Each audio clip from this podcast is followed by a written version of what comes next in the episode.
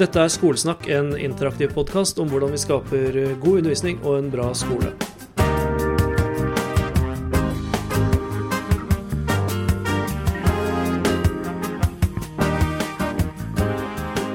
Hei, og velkommen til denne andre pilotepisoden av eh, Skolesnakk, en interaktiv podkast. Jeg er Jørgen og er programleder, vaktmester og alt mulig mann. Jeg kaller det pilotepisoder fordi at eh, ting er litt sånn eh, in the making, både teknisk og eh, alt mulig. Men eh, det er på en måte litt sånn retorisk grep, sånn som du sier eh, hvis du holder et foredrag og sier ja, før vi begynner, så vil jeg bare gi noen beskjeder, for da har du skapt deg et rom for, for å prøve å feile litt mer.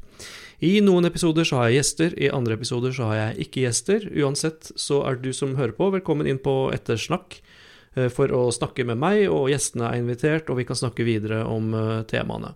Eh, hører du denne episoden en gang i framtiden, så kan jeg ikke akkurat si når det er, men hvis du hører den nå i januar 2021, så foregår Ettersnakk på mandager klokka åtte om kvelden. Det foregår på Zoom, så du kan bare logge deg inn, og du finner linken på gnistrende.nett skolesnakk, eller på Facebook-sida til Skolesnakk. Vel, i denne episoden så har jeg tenkt å ta for meg ti feilslutninger om digital undervisning. Og, og jeg vurderte om jeg skulle kalle det kortslutninger, men det kunne jo da virke litt um, uh, Jeg vet ikke, altså at det er liksom folk som mener det, at de er helt sånn kortslutta. Uh, ikke nødvendigvis uh, sånn. Men spesielt i løpet av det siste året så har det vært skrevet ufattelig mange kronikker og lesebrev og statusoppdateringer om digital undervisning, og noen av de påstandene som går igjen, tenker jeg at jeg har bare lyst til å parkere en gang for alle. Så jeg har laga min topp ti-liste, eller bunn ti-liste, over feilaktige påstander. Uh, og så skal jeg litt sånn breialt nå bare gå ut og si hva som er feil med dem, og hva som er Eh, fakta, hva som er den store sannheten. Ok. Så la meg begynne på bunnen. Eh, punkt nummer ti. Påstand digitalisering av undervisningen har kommet fort. Dette blir gjentatt uh, hele tiden, og det kom, lærerne måtte omstille seg over natta. Uh, og det var um, Alt skjedde veldig fort. Og jeg skjønner rett og slett ikke hva de snakker om. Det kan ha noe med å gjøre at uh, digitalisering av samfunnet har pågått i flere tiår, og at etter min mening så er på en måte skolesektoren et av de siste stedene hvor det skjer. Da jeg gikk på videregående, eller da jeg gikk på ungdomsskolen, dette er gamle dager, det var på slutten av 80-tallet, så hadde man noen datamaskiner. Da jeg begynte på videregående, så hadde min videregående skole, som het Granlia videregående i Molde, eh, de hadde PC-stue eh, på begynnelsen av 90-tallet. Vi kunne riktignok ikke sende e-post, men lærerne kunne kommunisere med andre ildsjeler et annet sted i landet via telefonlinjen, så vidt vi forsto. Og da jeg begynte å jobbe som lærer på slutten av 00-tallet, det var vel i 2007, så hadde man PC-skap som elevene kunne låne PC i. Dette her har skjedd eh, langsomt, og det som var tilfellet, var at de stemmene man hørte høyest da i mars 2020, var de som ikke var forberedt, mens veldig mange var veldig godt forberedt. Jeg snakka med skolefolk som som sa nei, det var ikke så stor endring. Vi hadde både systemene og kompetansen inne til å, til å jobbe på, på, den måten.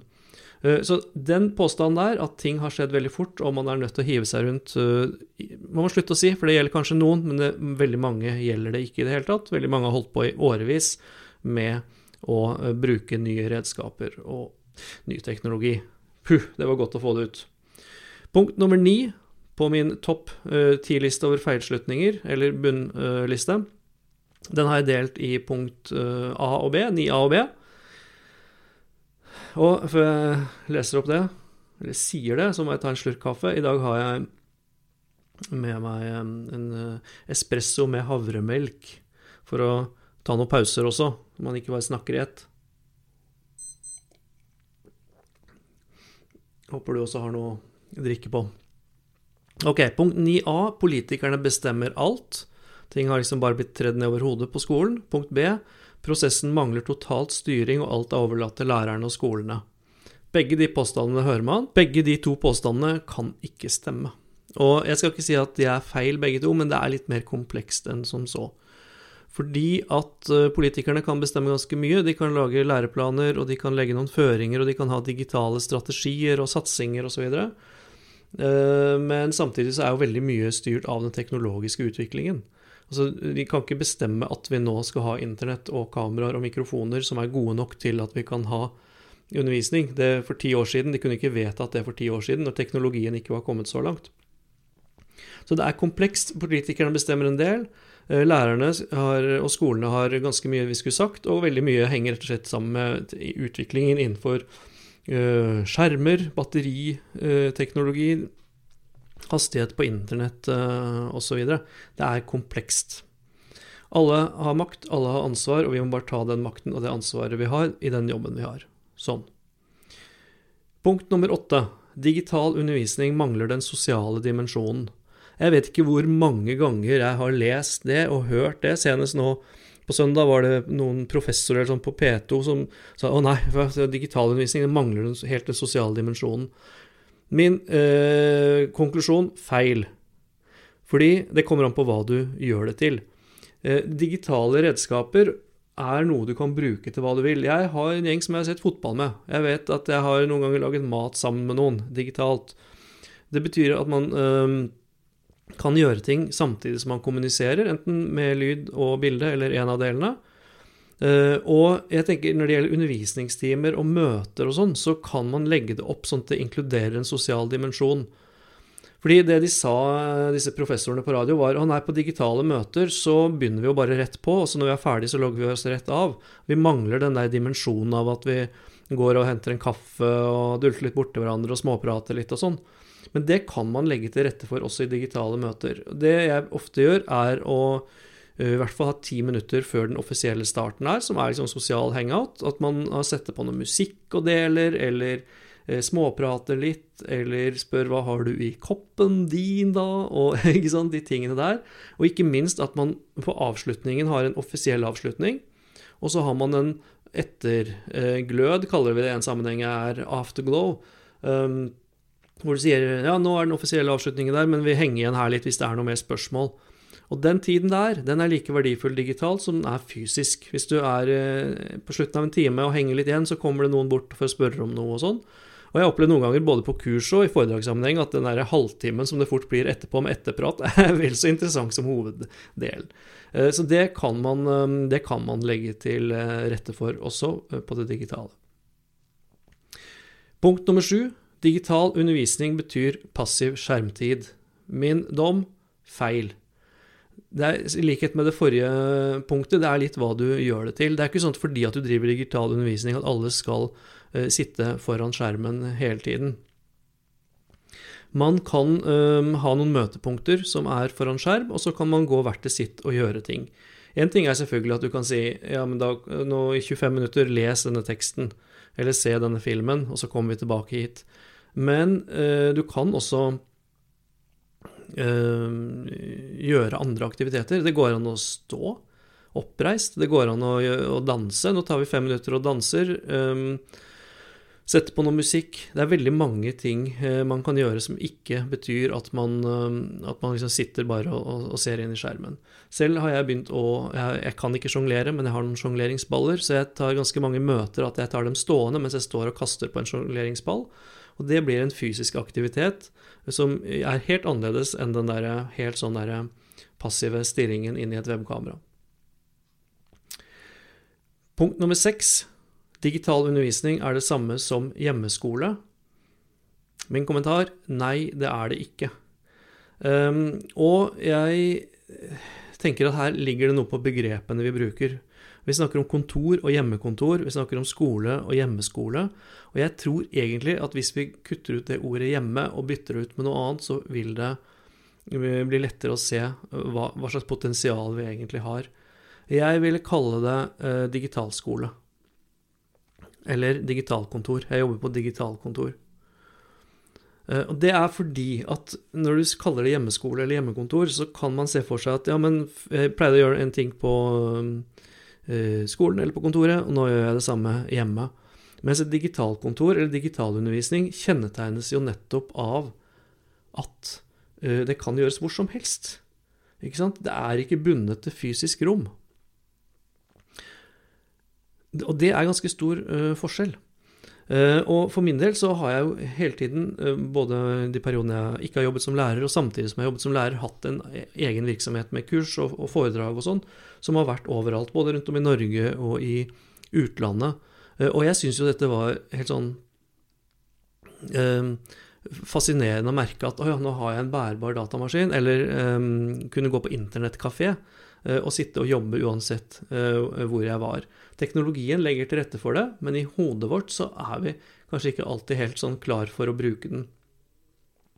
Um, det er ikke sånn at man nødvendigvis må være hjemme hos seg selv når man deltar i digital undervisning. Jeg øh, hadde Jeg merka noen ganger for noen år siden da, at, eh, da jeg reiste Og jeg var vant til å bruke Skype. Da.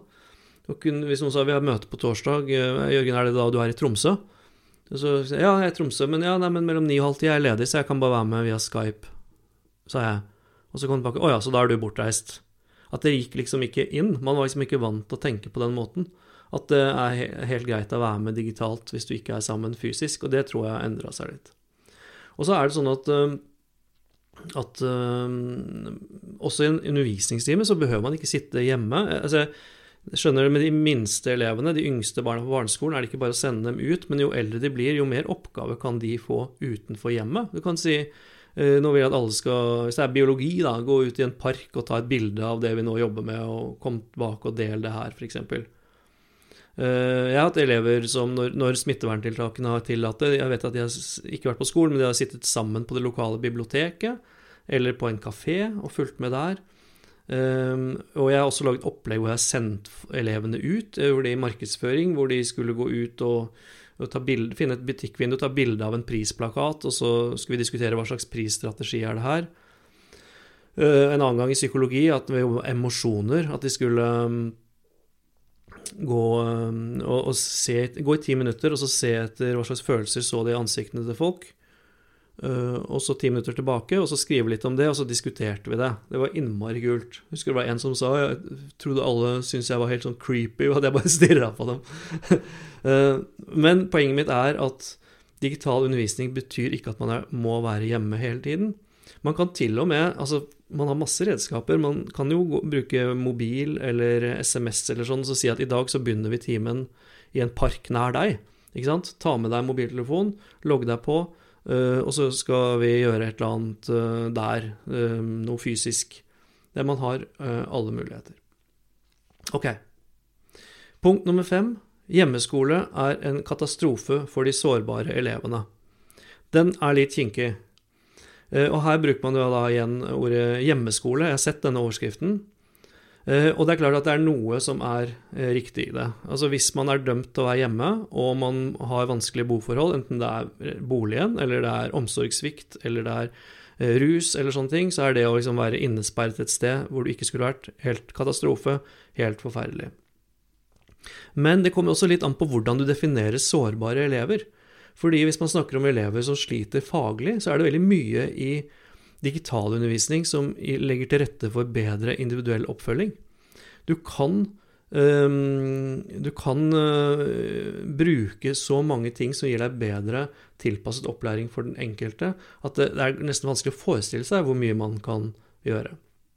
Og også de som ikke nødvendigvis er, sliter faglig, men som bare ikke finner seg til rette på skolen, som ikke trives med å sitte 25-30 stykker i et klasserom, um, som virkelig hater det. Det er mange det som syns at det er ganske klaustrofobisk, og som sier de klarer ikke å konsentrere seg, eh, klarer ikke å lære noe, det er for mye som skjer. Eh, at for mange av dem så ser man at de blomstrer i digital undervisning. De som kanskje aldri sier noe i klassen, men som eier chatten, ikke sant, som bare uh, plutselig uh, blomstrer. Eller som plutselig klarer å konsentrere seg om lese- og skriveoppgaver fordi de får lov å sitte i fred. Og det må man ta vare på. Punkt nummer fire Brannfakkel. Det er viktig at webkamera er slått på hele tiden. Dette her har jeg egentlig tenkt å ha en helt egen episode om, for og mot webkamera, fordeler og ulemper, men jeg vil si noe nå. At de som er så opptatt av det der webkamera, det er ikke nødvendig for god opplæring at man sitter og ser på hverandre i webkamera. Anekdotisk bevis. Mitt, min spanskopplæring startet i 9. klasse. Da hadde vi brevkurs fra NKS, vi hadde bøker, vi hadde lydkassetter som vi satt og hørte på, for skolen hadde ikke spansklærer.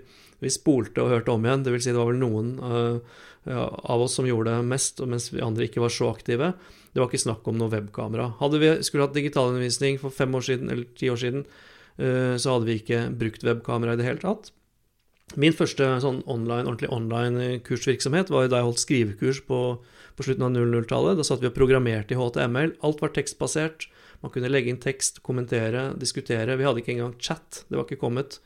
Uh, og vi hadde masse interaksjon og masse, uh, masse læring.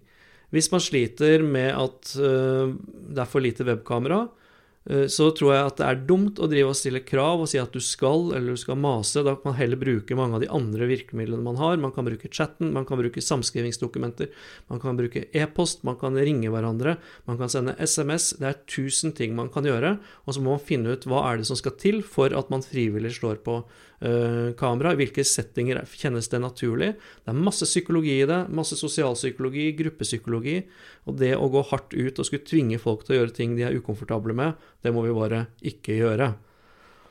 Ha, nå tar jeg en slurk av kaffen.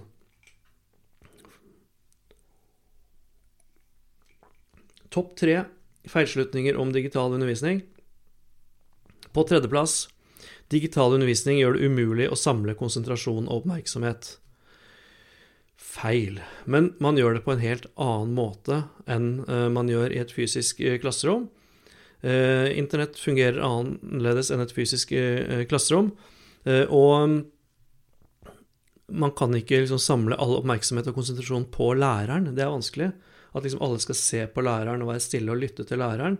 Men hvis man har en handlingsorientert undervisning, at det er ting som skal gjøres, oppgaver som skal utføres, at det er den røde tråden i undervisningen, så går det an å få elevene til å være konsentrert på det og jobbe med det. Når jeg sa det sånn, så hører jeg at det er egentlig også et tema for en hel eh, episode. Men det der, hvis man er vant til å stå foran elevene og klappe tre ganger i hånden og si 'hør på meg, alle sammen', da tenker at man skal gjøre det fra hjemmekontoret også, så fungerer ikke det. Det fungerer ikke på den måten. Ok. Punkt to i min liste ti feilslutninger om digital undervisning er at digital undervisning betyr at vi mister mye. Tenk på alt vi mister. Tenk på alt vi mister. Og det er jo tvert imot. Digital undervisning gir oss så mange nye muligheter. Det kommer så mye mer til. Ikke bare apper og kommunikasjonskanaler og samarbeidsformer og sånn, men en helt utrolig mulighet til å tilpasse undervisningen til den enkelte, til å gi tilpasset undervisning på et nivå som vi ikke er nubbsjans på i fysisk undervisning. Jeg tror at noen av de som sier det der, det sies mye, at digital undervisning betyr at vi mister mye, at det er en sånn øyeblikksopplevelse av at uh, det å sitte hjemme på hjemmekontor er jo noe litt sånn ensomt uh, og annerledes enn å være i klasserom, og det er det jo. Men, men det som jeg tror skjer, er at vi kommer til å ta med oss alt det bra fra digital undervisning, og så etter hvert som man gradvis kan være mer fysisk sammen igjen, så kommer vi til å kombinere det beste fra to verdener. At vi gjør de tingene som krever at vi er fysisk sammen, de gjør vi sammen, og de som krever, eller som det er best at vi gjør hver for oss, de gjør vi hver for oss. F.eks. At, at når man er fysisk sammen, så kan man jobbe med praktiske oppgaver, problemløsing, eh, samarbeid, eh, alle disse tingene som er så fine å gjøre eh, når man er, er, sammen. Og så kan man kanskje få lov i større grad når ting krever individuell ro, individuell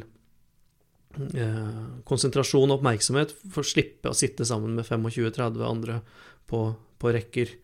Um, og, så, så, poenget mitt her er at vi, det, det, at vi kanskje nå føler at vi mister noe, er bare veldig midlertidig. Når man etter hvert kan begynne å være sammen igjen, så vil man se at man har fått ekstremt mye. Og nå skulle jeg hatt en liten trommevirvel eller noe sånt her. Jeg har jo bjellen min, jeg kan slå på den. Oi, det var um, skikkelig lyd der. Uh, på topp ti feilslutninger om digital undervisning. Punkt én digital undervisning er midlertidig. Nei, den er ikke det. Det å tro at vi snart skal gå tilbake til sånn som det var før, det blir omtrent som å tro at snart så skal vi ikke ha nettbank mer, snart skal vi gå tilbake til vanlig bank og kunne gå med kontanter i en filial og få stempel i bankboka. Og Jeg prøver å si dette uten å virke mm, ovenfra og ned. Det burde jeg kanskje tenkt på før jeg begynte på denne listen. Men eh, jeg tror det er helt naturlig i store endringer, før man helt har tatt dem inn over seg, å tenke på den måten. Og jeg tror mange som f.eks. har fått barn, har tenkt på den måten. Jeg gjorde det da jeg fikk barn. Husker at jeg tenkte ja, nå, nå bare eh, tannfellingen er over nå, så skal ting bli som normalt igjen. Når det er bare litt mer nattesøvn nå, så skal ting bli som normalt igjen. Og så skjønner du gradvis med at nei, det kommer aldri til å bli sånn som før. Livet før man fikk barn, eh, er historie. Eh, og sånn er det med gjennomgripende, grunnleggende endringer. At de endrer noe på en måte som gjør at det er irre, irreversibelt. Og jeg er ganske sikker på at når vi skriver 2025-2030, så tenker vi på skolen før og etter 2020. På litt samme måten som man kanskje tenker på skolen før og, før og etter at man fikk inn datamaskiner i det hele tatt. Før og etter at man fikk tavle på veggen. Hvis noen husker det, det var på begynnelsen av 1800-tallet. At det er et viktig, viktig, skille. Det er rett og slett for mye bra som ligger i digitalisert undervisning, som vi kan ta med oss videre, og som vi kan bruke. Og jeg merker det for min egen del, at når jeg har jobba nå um, veldig intenst, snart et år, med å få til digitalisert undervisning, og så går tilbake og har noe fysisk undervisning, så har det forandra måten jeg uh, gjør det på i klasserommet. Uh, jeg snakker litt annerledes, jeg organiserer undervisningen litt annerledes. Um, og det er bare noe som har skjedd um, helt av seg selv. Eh, så det var min topp ti-liste om feilslutninger om digital undervisning. Jeg kan jo tenke meg at noen er uenig. Jeg kan jo levende forestille meg at noen blir litt provosert. Og så ser jeg for meg at det er en eller to som tenker 'yes, endelig var det noen som sa det høyt'. Hvis du har meninger og innspill eh, om dette, så må du gjerne dele det der hvor du vil dele det, og bli gjerne med på ettersnakk på mandager klokka åtte på Zoom. Ehm, jeg sier ikke takk for at du hørte på, jeg sier takk for at du er med. Det er eh, dialog jeg er opptatt av, og det passer seg vel å si etter at jeg snakka usammenhengende, eller sammenhengende, eller usammenhengende, alt ettersom i nå i over 20 minutter. Eh, takk for at du er med. Vi snakkes på ettersnakk.